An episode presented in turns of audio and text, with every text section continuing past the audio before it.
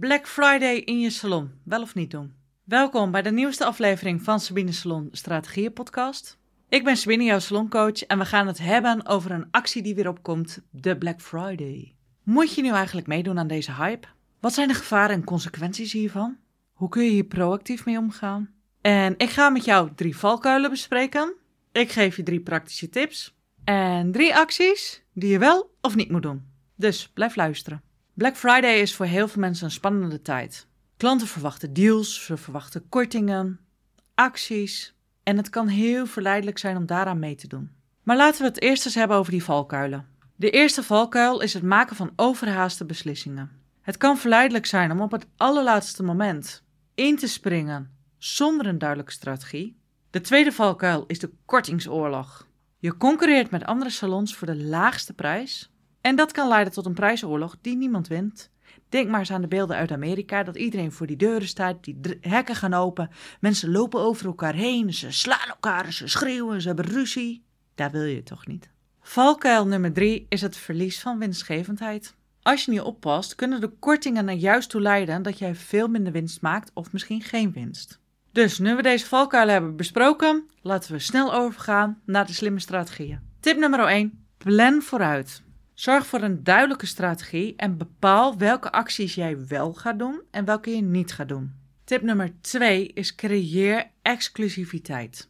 Maak aanbiedingen exclusief voor je bestaande klanten of leden van je loyaliteitsprogramma. En het derde is bied waarde, geen kortingen. In plaats van prijzen te verlagen, kun je ook gaan kijken, hey, wat kan ik extra aanbieden? Welke extra dienst kan ik toevoegen? Welk extra product? Of welke extra ervaring? Of hoe kan ik de ervaring verbeteren in een aanbieding? En ga ook werken aan proactieve acties. En laten we het tot slot hebben over proactieve acties die jij kan ondernemen in jouw salon.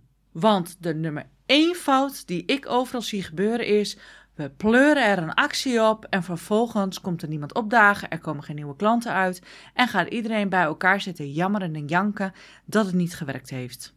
Nou, en om dat te voorkomen ga ik jou drie actiepunten meegeven.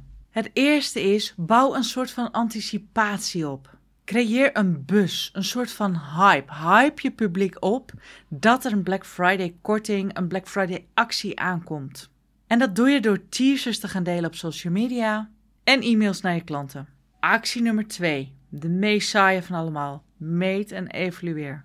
Na Black Friday ga jij evalueren wat wel en wat niet gewerkt heeft zodat je de volgende keer slimmer het kan aanpakken, het kan verbeteren. En dan moet je ook eerlijk naar jezelf zijn waarom het niet gewerkt heeft. Actie 3 is bouwen aan relaties.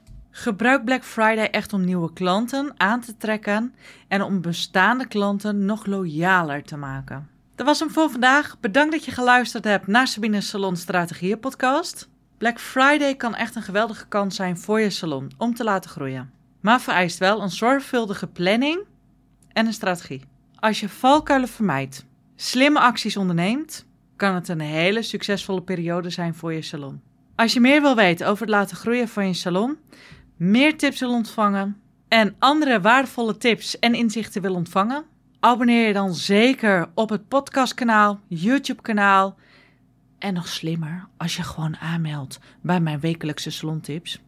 Die vind je op www topsalonacademy.nl. Kijk even onder het kopje gratis, meld je gewoon even aan. Want daar ben jij namelijk als eerste op de hoogte van acties, tips, waardevolle inzichten, valkuilen. Dus bedankt voor het luisteren en tot de volgende keer.